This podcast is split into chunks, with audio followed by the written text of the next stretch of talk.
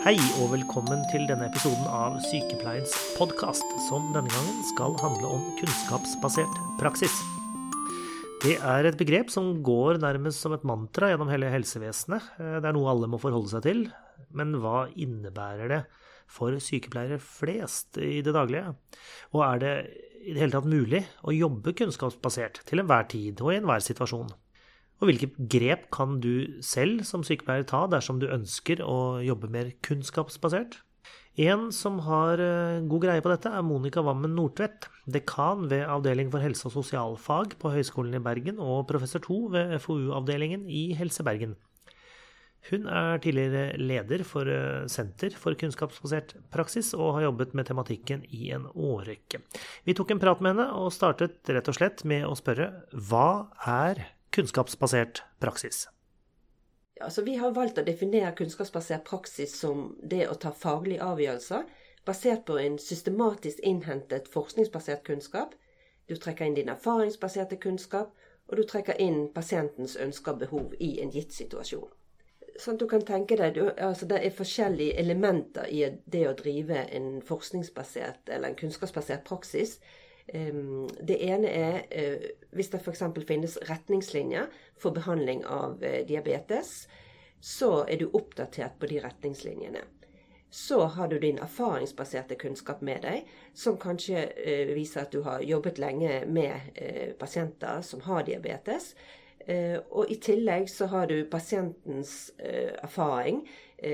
Pasienten er ofte ekspert på sin sykdom og vet hvordan det er å leve med diabetes. Når du sitter i en uh, samtale med denne pasienten og, så, og gir råd, så kombinerer du eh, din eh, altså kunnskapen fra, fra, forskning, du kombinerer din erfaringsbaserte kunnskap, og du trekker inn brukeren og ser hva som er viktig for denne brukeren i den gitte situasjonen. Og det er å utøve en kunnskapsbasert praksis. I noen tilfeller så finner man ikke retningslinjer, og man må gå direkte til forskningen som kan virke uoverkommelig for mange. Men hvordan er det man skal gå fram og vurdere å finne den forskningen som er på et felt? Altså Jeg pleier å si at det er flere måter å lese forskning på. Det ene det er å lese enkeltstudier, altså det siste nye innenfor et felt. Det er sånn som du leser avisen.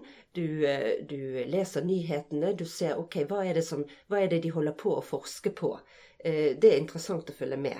Det som er ikke bra, det er jo hvis du tar de siste nye enkeltstudiene og så innfører det i praksis. Fordi at det er forskningens natur at når du har forsket frem noe, eller svart på ett spørsmål, så prøver neste forskningsgruppe gjerne å motbevise. Og det er forskningens natur at du skal utfordre etablerte sannheter. Så dermed, så det, hvis du tar en enkeltstudie alene, så kan du eh, gjøre feil. Derfor er det viktig at man oppsummerer det man vet innenfor et område, det vi kaller for systematiske oversikter. Eh, og det er de du bør eh, legge til grunn når du skal endre praksis.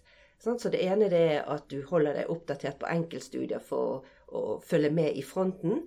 Og det andre er når du skal endre praksis eller gi råd ut ifra eh, oppdatert forskning, så bør du gjøre det ut ifra systematiske oversikter. Og hvordan du finner de systematiske oversikter, da er vi jo veldig heldige i Norge som har Helsebiblioteket, og som har eh, systemer på hvordan du kan søke opp eh, retningslinjer og systematiske oversikter. Det er til og med en tjeneste hvor du kan eh, spille inn et, eh, et, et, spørsmål, og der du kan få svar eh, rimelig raskt på eh, nettopp oppsummert litteratur. Og da går du inn på helsebiblioteket.no, og så ligger eh, det massivt med informasjon der. Det gjør det, ja. Mm. Og der må man også skille mellom enkeltstudier, eh, systematiske oversikter og retningslinjer. Det er liksom tre grader i pyramiden. Sant? Helt nederst, da er det enkeltstudier, så kommer systematisk oversikt hvor man har oppdatert, man har summert opp det man vet. Og så eh, på øverste, da er det de retningslinjer som gir råd til praktikeren eller til klinikeren. Mm. Hvilke felt innenfor helsevesenet er det man er, eh, har vært flinke til å, til å jobbe kunnskapsbasert, og er det områder hvor det er spesielt mye å hente? Altså Internasjonalt begynte jo dette her innenfor medisin. Men sykepleiere var ganske raskt til å, å melde seg på. Eh, Evidence-based nursing fra McMaster ble jo ganske tidlig startet. Eh, og, og, Norsk Sykepleierforbund var jo også veldig tidlig ute til å, å utvikle dette her for norske forhold hvis du tenker på hvilke yrkesgrupper som, som, har tatt dette innover, så er jo selvfølgelig medisin, sykepleier, fysioterapi er jo områder som, som, som har det inne. Men, men, egentlig alle helsefagene har det jo mer eller mindre inne i sine utdanninger nå. Når det gjelder områder, så er jo det lettere å tenke seg innenfor spesialisthelsetjenesten eh, at, eh, at, det er mer forskning innenfor det. Eh, spørsmål som angår kommunehelsetjenesten, er jo det kanskje mindre forskning på. Så, men der har vi en jobb å gjøre. fordi det som også er viktig, det er jo å identifisere der det ikke finnes forskning. fordi da vil det være aktuelle forskningsområder for de som driver med forskning, og, og faktisk uh, utvikle kunnskap innenfor de områder hvor klinikerne har spørsmålene. Mm. Men for de som jobber ute i eh, kommunehelsetjenesten og ser at her er det et kunnskapshull, har de noe uh, reell mulighet til faktisk å uh, gå gjennom forskning? Eller må det hva skal si, strukturelle endringer til for at de skal både ha kompetansen og tiden og, og muligheten til å finne ut av det? Altså, eh, eh, det er jo veldig viktig at eh, vi samarbeider med kommunehelsetjenesten. Og det er jo nasjonale føringer på at kommunehelsetjenesten skal også drive med forskning, eller legge til rette og samarbeide med forskningsinstitusjonene og, og utvikle kunnskap innenfor de områder de trenger ny kunnskap. Sånn at jeg tror nok at i fremtiden så vil det bli mer forskning også i kommunehelsetjenesten. Men det er klart at kompetanse Vi trenger flere på masternivå, og vi trenger absolutt flere med doktorgrad også ute i kommunehelsetjenesten. Og det vil komme, tror jeg, men det tar litt tid. Og vi må vise de eh, mastergrad, altså de eh, sykepleiere med mastergrad som kommer ut, de må vise at de faktisk gjør en forskjell. Og de første er jo ekstremt viktige, at de faktisk viser at de gjør en stor forskjell. At de, eh, at de virkelig kan være med og, og forbedre praksis. Vi vet veldig, ganske mye om hva jeg er. Uh, altså Det ene er jo med, med forskningen i seg selv. Sant? Altså At uh, det er motstridende resultater, f.eks. Det er jo en, en, en, årsak til at det er vanskelig å ta i bruk forskning. Det kan også være egenskaper ved, ved helsearbeideren. Altså, vi, vi, skjønner ikke, vi klarer ikke å lese det. Uh, vi forstår ikke forskningen. Eh, så kan det være egenskaper ved organisasjonen. Sant? Manglende kultur for endring. Eh, vi, vi, gjør som vi alltid har gjort. Altså eh, ledelse som ikke etterspør. Og det kan være egenskaper ved profesjonen. Sant? Altså samarbeid mellom forsker og profesjonene. Sånn at det, det er mange ulike ting som kan, som kan, virke inn på at ikke folk følger forskning vi må forske på, sånn som jeg sa i sted, med, med, vasking på hendene. Vi trenger ikke flere studier som viser at det hjelper å vaske seg på hendene. Eller vi trenger ikke flere studier som viser at det er viktig å skrine pasientene. Men vi trenger eh, studier som viser eh, Altså, hva er mekanismene som gjør at ikke du følger retningslinjer? Altså, hvorfor følger du ikke Altså, rett og slett eh, endringsforskning, implementeringsforskning. Eh, det er det vi trenger å vite mer om. Hva som skal til for at vi kan få folk til å følge eh, retningslinjer, f.eks., når, de, når de finnes. Kunne du gitt noen eksempler på en situasjon hvor eh, det å gå til forskningen har noe for seg? Hvilke tilfeller har det mest for seg? Nei, altså, Hvis du jobber på et sykehus og har en behandling av, eh, av noen pasienter, f.eks., og så eh, hører du at de gjør det helt annerledes på et annet sykehus, og, og at praksis varierer veldig.